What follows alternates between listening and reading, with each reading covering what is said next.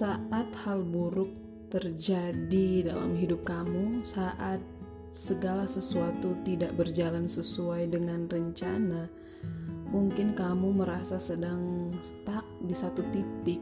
Kamu salah untuk maju, salah juga untuk mundur.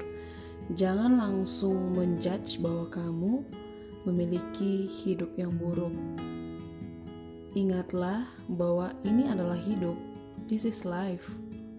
Kehidupan tidak akan selalu berjalan sesuai dengan rencana kita. Ada tantangan, ada masalah, ada pergumulan, ada kesenangan, bahkan ada sukacita. Ya, itulah hidup.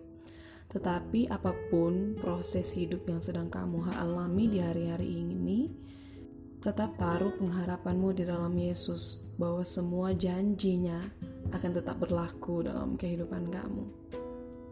Ini hidup, kamu berproses dan nikmatilah itu. Terima kasih telah mendengarkan podcast yang singkat dari House of Prayer. God bless you.